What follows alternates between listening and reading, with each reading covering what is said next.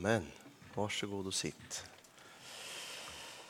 Hörrni, eh, Jesusfolket är temat för sommaren och kanske får du eh, lite olika associationer av, av den rubriken.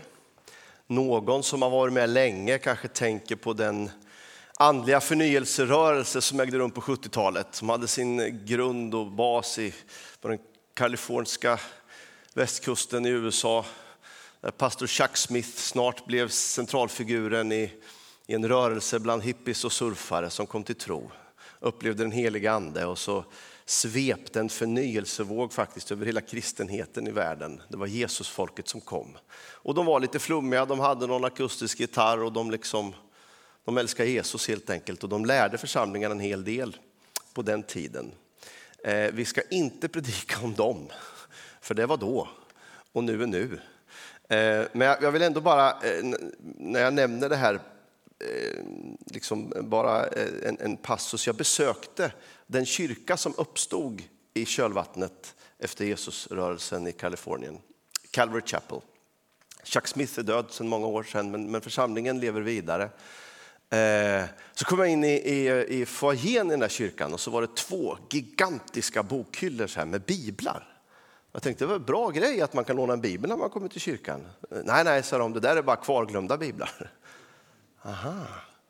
Och så berättade de att om man spenderar, jag tror det var, om man gick på varje gudstjänst, om det var 10 eller 14 år i den församlingen, då hade man hört utläggningar om varje bibelord i, i Bibeln. Alltså man börjar från början och så, så bara predikade man sig igenom hela Guds ord. Så här. Och det tog ett antal år, jag kommer inte ihåg exakt hur många. Och så var vi där på kvällen och så sa pastorn att nu ska vi läsa från Matteus, och så, så var det lite tyst och han kunde inte säga någonting för bibelprasslet var så högt i lokalen för alla som var, kanske var 4 000 där inne, tog fram sin bibel och så bläddrade de och så var liksom ett, ett prassel över rummet och sen när det hade lagt sig, då kunde han läsa. Och det där påverkade mig ganska mycket för jag tänker här i den här kyrkan, här älskar de Guds ord. Det är tydligt, det märks fysiskt i rummet, det hörs att de älskar Guds ord. Och det där är, en, är någonting att ta efter och liksom sträva efter, tänker jag. Att forma den kärleken i sitt liv. Men det är inte Chuck Smith och eh, det Jesusfolket som vi ska predika om den här sommaren. För det är så att evangeliet är det glada budskapet om Jesus Kristus, men när evangelisterna skrev ner berättelsen om Jesus Kristus så blev det naturligt att skriva om alla människorna som rörde sig runt honom. Det var högt och det var lågt, det var utbildat och outbildat, det var rik och det var fattig och det var sökare och det var liksom ateist och det var den som ville tro och den som inte kunde tro. Det var den som var fylld av, av, av förhoppningar och den som var fylld av missmod. Alla fick plats runt Jesus. Och när vi läser om det Jesusfolket så förstår vi att vi också är en del av det Jesusfolket. Att spegla sig i de människorna är att spegla sig i vad det innebär att vara människa. Och en del saker, en del saker de, de är bara där. Det, det här är ett folk, nu vi läser evangelierna, så är det ett folk av en annan tid, en annan kultur, andra värderingar. Vi kan liksom inte sätta oss in i deras sociala kontexter så länge sedan. Men vi märker på samtalen att vara människa, det spelar liksom ingen roll i vilken tid du är född, i vilket sammanhang du finns, vilken kultur du har runt omkring dig. Att vara Guds skapelse, en människa, det betyder att du, är, du och jag är väldigt, väldigt lika. Vi är väldigt lika, vi brottas med samma frågor, samma funderingar. Och jag tycker att det är värt att ta till sig i en tid som våran, där liksom samhälle och strukturer vill göra skillnad på folk och vi delar upp oss. Men att vara människa, kan jag hitta en anknytningspunkt hos en ung man som ställer sina frågor till Jesus Kristus för 2000 år sedan? Kan jag känna igen mig i honom? Så borde jag kunna känna igen mig i dig som kommer från Mellanöstern eller du som har rest hit från ett annat land eller du som kommer från en annan bakgrund än min. Vi är människor. Och eh, vi vill spegla oss i det där Jesusfolket för att lära oss lite om vad det innebär att vara någon av Jesusfolket. Eh, livets stora frågor, alfakursen handlar om dem. Symbolen för alfakursen det är en, ett frågetecken. Jag tycker om den symbolen. För att när vi läser den här texten idag så märker vi att den präglas av, av frågor. Eh, och det här var ett judiskt rabbinskt sätt att hantera bibeltexterna, att hantera eh, teologiska frågeställningar. Man ställde frågor till varandra, man ställde frågor till texten. Och en fråga den öppnar upp. Ett statement det sluter, en, en faktum det sluter, men en fråga öppnar upp. Jag tycker att det kan vara någonting att ta till sig idag i vårt debattklimat, eller vårt samtalsklimat.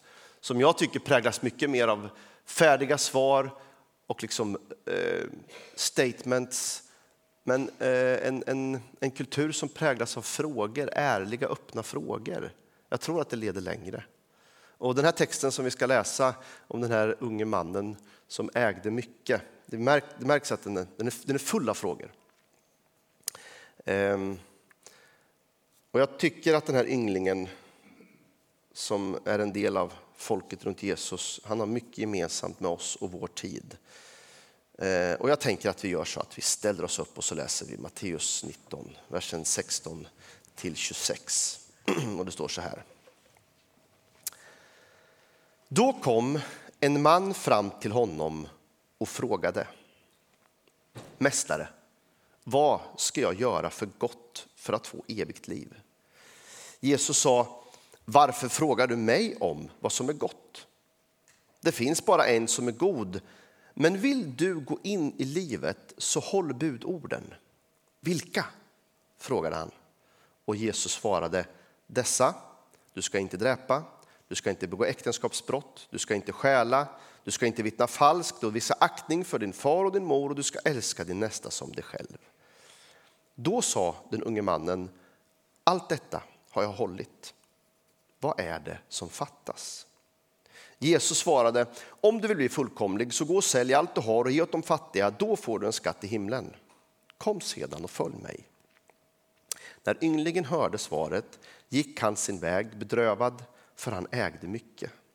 Men Jesus sa till sina lärjungar, sannerligen det är svårt för en rik att komma in i himmelriket. Ja, jag säger er, det är lättare för en kamel att komma in genom ett nålsöga än för en rik att komma in i Guds rike. När lärjungarna hörde det blev de bestörta och sa, vem kan då bli räddad? Jesus såg på dem och sa, för människor är det omöjligt, men för Gud är allting möjligt. Herre, välsigna den här texten. Tack att du är här, rör dig ibland oss och talar till oss och uppmuntrar oss. Du vet vilka vi är, varifrån vi kommer, vad vi har med oss i livets ryggsäck, vad vi har burit hit idag. Den här morgonen jag ber att du ska möta med oss alla på det sätt som vi själva var och en behöver. I Jesu namn vi ber. Amen. Amen. Varsågod och sitt.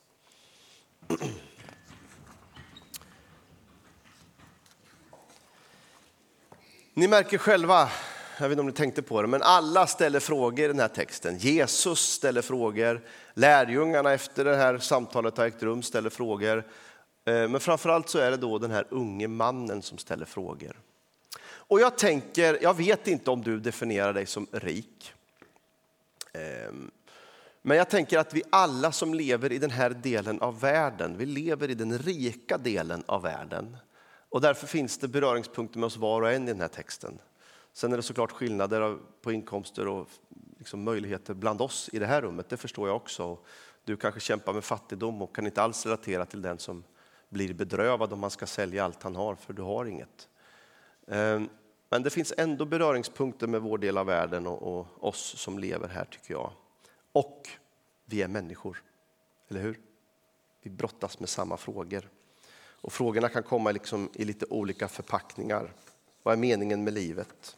Hur blir jag lycklig? Varför lever vi? Är detta allt? Och allt det där är frågor som, som alfamaterialet utgår ifrån på jakt efter livets mening.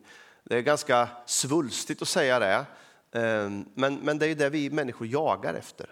Vad är det att leva ett meningsfullt liv? Vad är det att vara lycklig? Finns Gud? Och i sånt fall vill han ha med mig att göra? Kan jag ha kontakt med honom? Den typen av frågor som i någon mening är eviga. Så vi ska utgå från den här unge mannens frågor idag. Precis som en alfakurs, är ni med? Det blir som en, som en liten, eh, ett, ett, ett, ett försmak.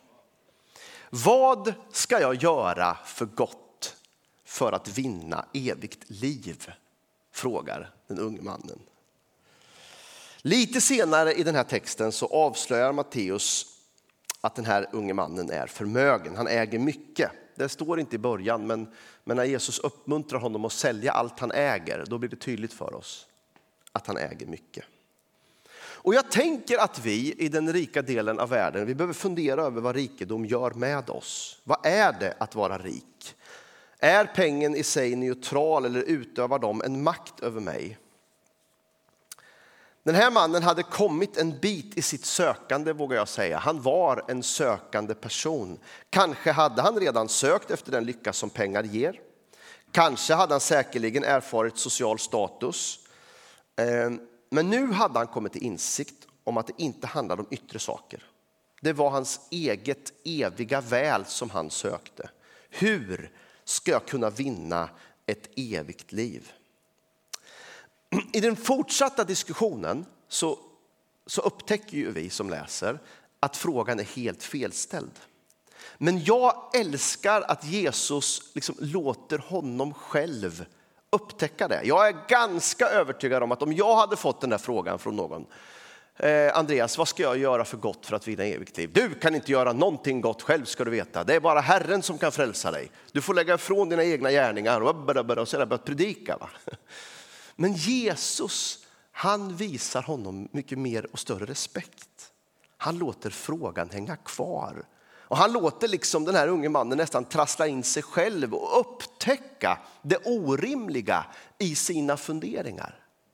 Vad kan jag göra för gott för att vinna ett evigt liv?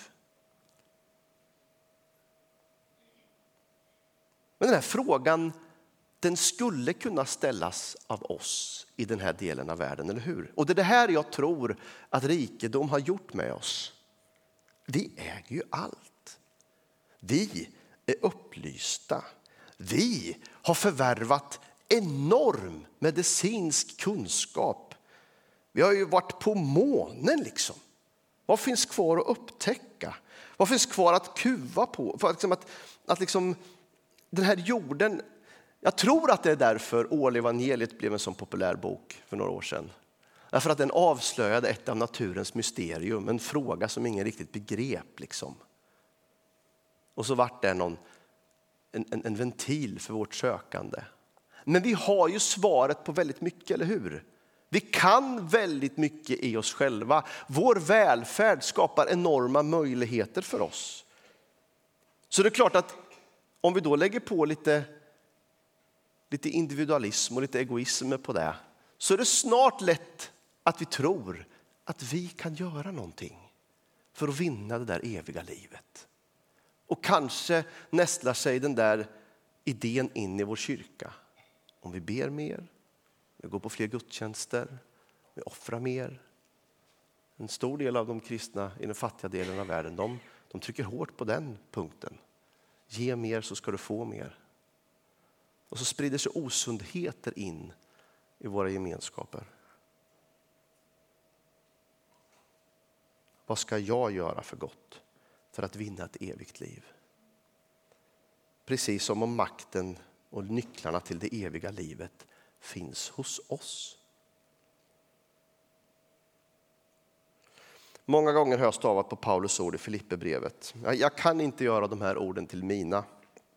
Men jag undrar så hur han kom dit. Hur vann Paulus den här attityden? Och vi läser från Filipperbrevet 3, versen 7-16. Allt sånt som var en vinst för mig har jag för Kristi skull kommit att räkna som en ren förlust.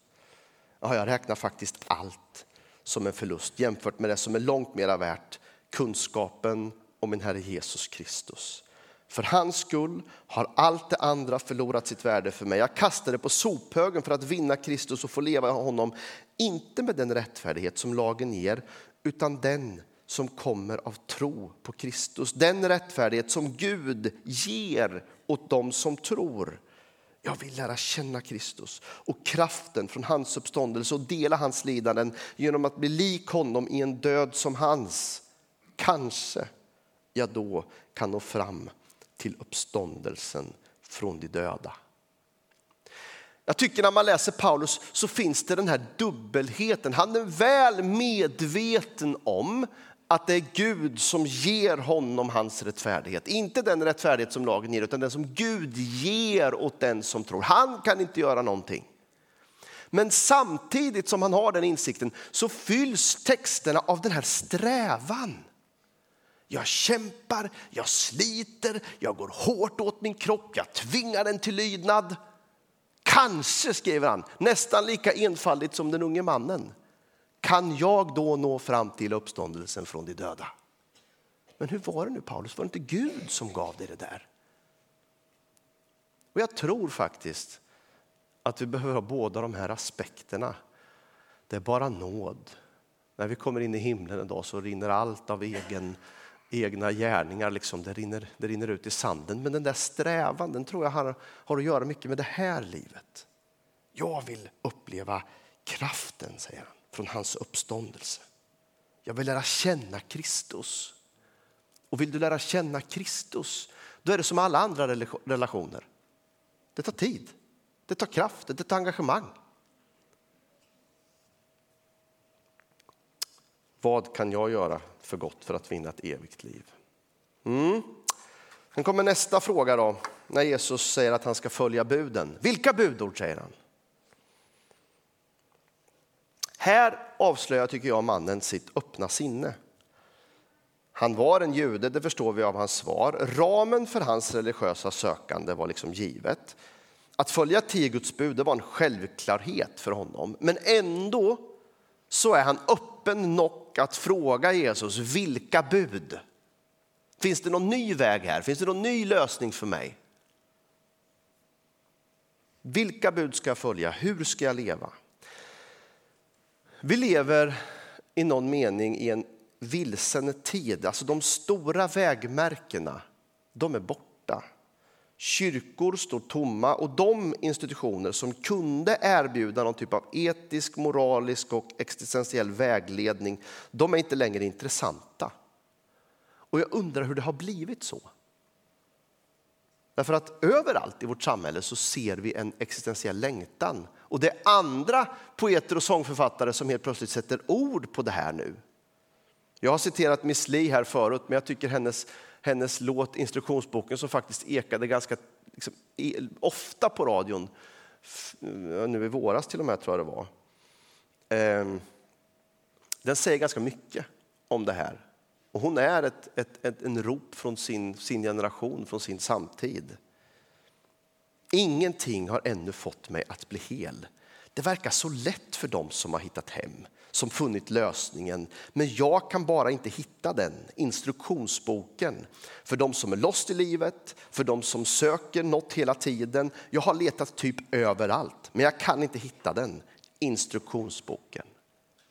Och SVT tycker det är intressant nog att låta Gina Dirawi liksom leda oss i hennes andliga sökande i den här serien Lever och dör. Och Youtube har gjort det, Elvis har gjort det, Dolly Parton har gjort det, Johnny Cash har gjort det, Leonard Cohen har gjort det. Listan kan göras lång på de sångare och musiker som har liksom försökt att tala om de här frågorna, ställt de här frågorna och försökt hitta svar på dem. Och då har vi inte berört liksom alla författare som, som berör alla de stora existentiella frågorna. Vilka budord ska jag följa? Hur ska jag leva mitt liv? När Jesaja profeterar om den kommande Messias så använder han en mening som tycker jag är en ganska exakt beskrivning av vår tid. Jesaja 53, versen 4-6, det här är ganska välkända texter för dig. Vi läser dem varje påsk. Om du är kristen och läser Bibeln så känner du igen det här. Men det finns en, en mening på slutet som jag tycker är en, en exakt beskrivning av, av vår tid. Det står så här om Messias, att det var våra sjukdomar han bar, det var våra plågor han led. När vi trodde att han blev straffad, slagen av Gud, förnedrad, så blev han pinad för våra brott, sargad för våra synder. Han tuktades för att vi skulle helas. Hans sår gav oss bot. Vi gick alla vilse som får. Var och en tog sin egen väg. Men Herren lät vår skuld drabba honom. Är ni med? Vi vandrar egna vägar och vi är vilsna. Men trots att vi är där någonstans ute i något snår, kanske har vi fallit och ligger ner och vet inte vad vi ska ta vägen eller också är vi helt lost. Alltså. Jag hade en släkting en gång som hade får och han konstaterade att får det är de absolut dummaste djuren i hagen, sa han. Han hade en stackare att han skulle släppa ut fåren. Så de, de måste röra sig i flock, för nu ska de liksom ut i den fållan och så in i korridoren och sen är de ute. Men han hade alltid en som stod kvar och tuggade i något hörn och när de andra hade gått så hittade han inte ut sen. Han hade gått där liksom hur många gånger som helst, men var han själv, då hittade han inte ut. Då fick han liksom gå ut och leda honom ut och visa honom vart vägen gick. Alltså, de är helt dumma i huvudet. Jag tror att får har den intelligens som får behöver och vi ska inte jämföra oss med dem för mycket. Men jag tror att det, det liksom säger någonting om, om, om vår tid. Liksom. Vi hittar inte, vi är vilsna. Var och en tog sin egen väg, men Herren lät vår skuld drabba honom. Vilka budord ska jag följa? Sen kommer den sista frågan som jag skulle vilja stanna upp vid idag och som kanske är den allra viktigaste frågan. Du måste vara ärlig med dig själv. Om du är en sökande person så måste du vara ärlig med dig själv. Har du funnit svar på det som ditt hjärta ropar efter? Är du tillfredsställd i ditt inre? Därför att när den unge mannen konstaterar att de där buden har jag ju följt. Okej, okay, du säger att jag ska följa buden för att få ett evigt liv. Jag har följt buden. Då skulle han ju kunna säga så här, Kaching! perfekt, då har vi löst det. Tack ska du ha, då har jag svarat på min fråga. Men han är ärligare med sig själv än så. Och så säger han, vad är det som fattas? Vad är det som fattas då? Jag har ju gjort allt det där.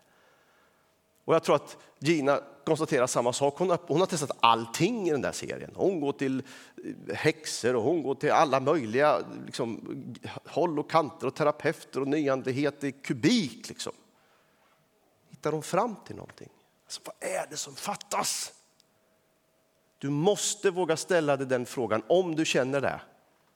Att det gnager här inne. Det finns ett tomrum, jag hittar inte hem.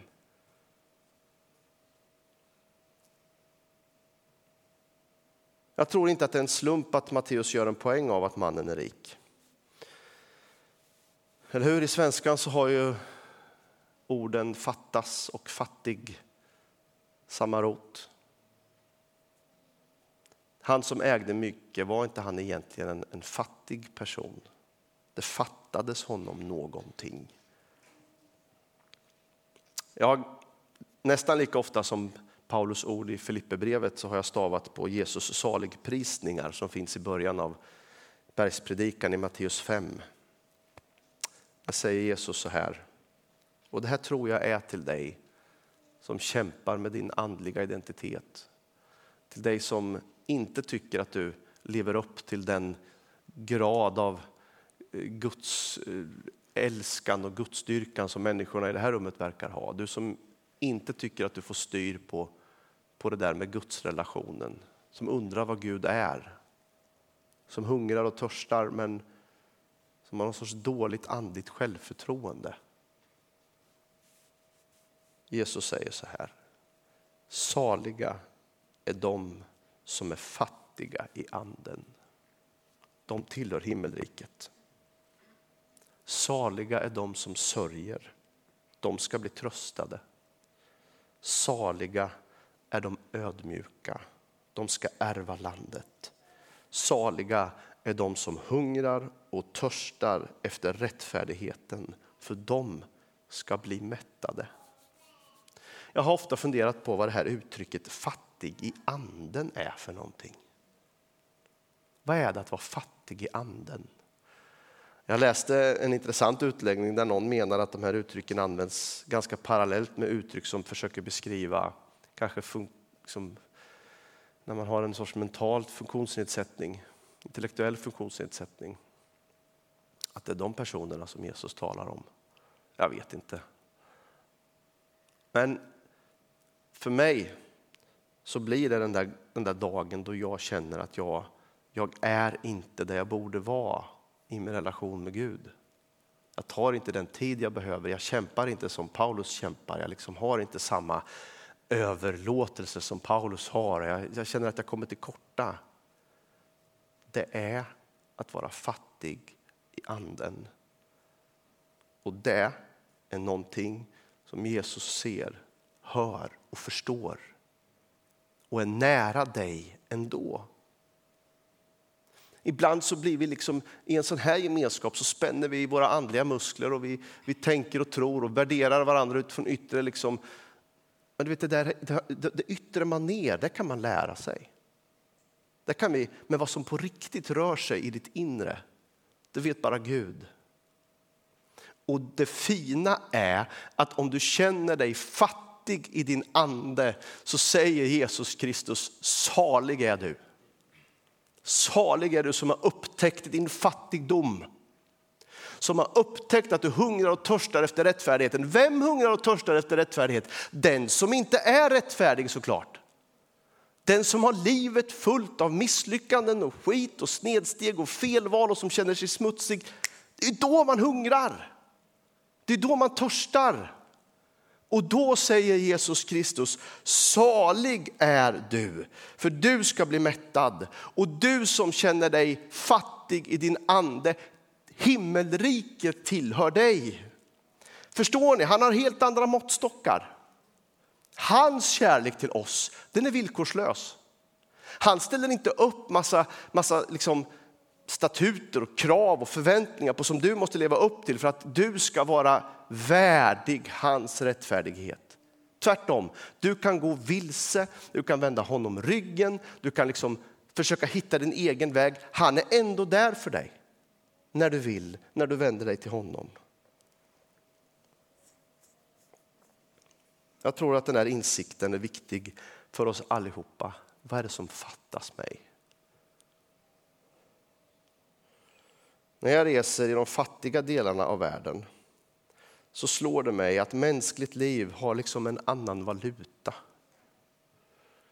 Mänskligt liv har en annan valuta. Varför upplever jag att kyrkorna i den fattiga syd ofta lever ett starkare liv än församlingar i rika norr?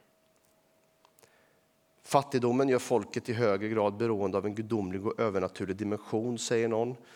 Utbildningsnivån är lägre, därför vänder man sig till... Ja, det finns massa idéer kring det där, men det är kanske är en hållbar antropologisk förklaring, men det är inte hela sanningen. För jag tror att rikedom förblindar. Kanske än värre, jag tror att rikedom skapar högmod. Vi klarar det själva. Därför tror jag att det är hög tid för oss också att vi vågar och fråga oss själva, vad är det som fattas oss? Och hur kan det komma sig att när jag kommer till Tanzania som har upplevt en, en, en dålig regnperiod än en gång och så mobiliserar man för svält. Hur kan jag, att, att, alltså tänk dig ett, ett, ett, folk som mobiliserar för en svältperiod och så kommer man till kyrkan. Och sen är det liksom, det är klackarna i taket. Det är glädje som, som, som, som liksom är långt över vad vi kan förstå. Vad är det? Och jag, den rike unge mannen, eh, medelålders mannen i alla fall, då, går därifrån i min rikedom och känner mig ganska fattig. Och så måste jag i mitt sökande våga ställa mig den frågan, vad är det som fattas mig? Och så står Jesus där. Tålmodig, god, kärleksfull. Han har alltid varit där. Och jag vet svaret. Det är du som fattas mig. Det är mer av dig som fattas i mitt liv. Mm. Ska vi försöka en gång till då, Andreas? Ja, det gör vi. Och så, och så får det gå så där. Och så får vi röra oss i den riktningen som Herren drar oss. Berättelsen slutar, det ser ut att sluta lite tragiskt.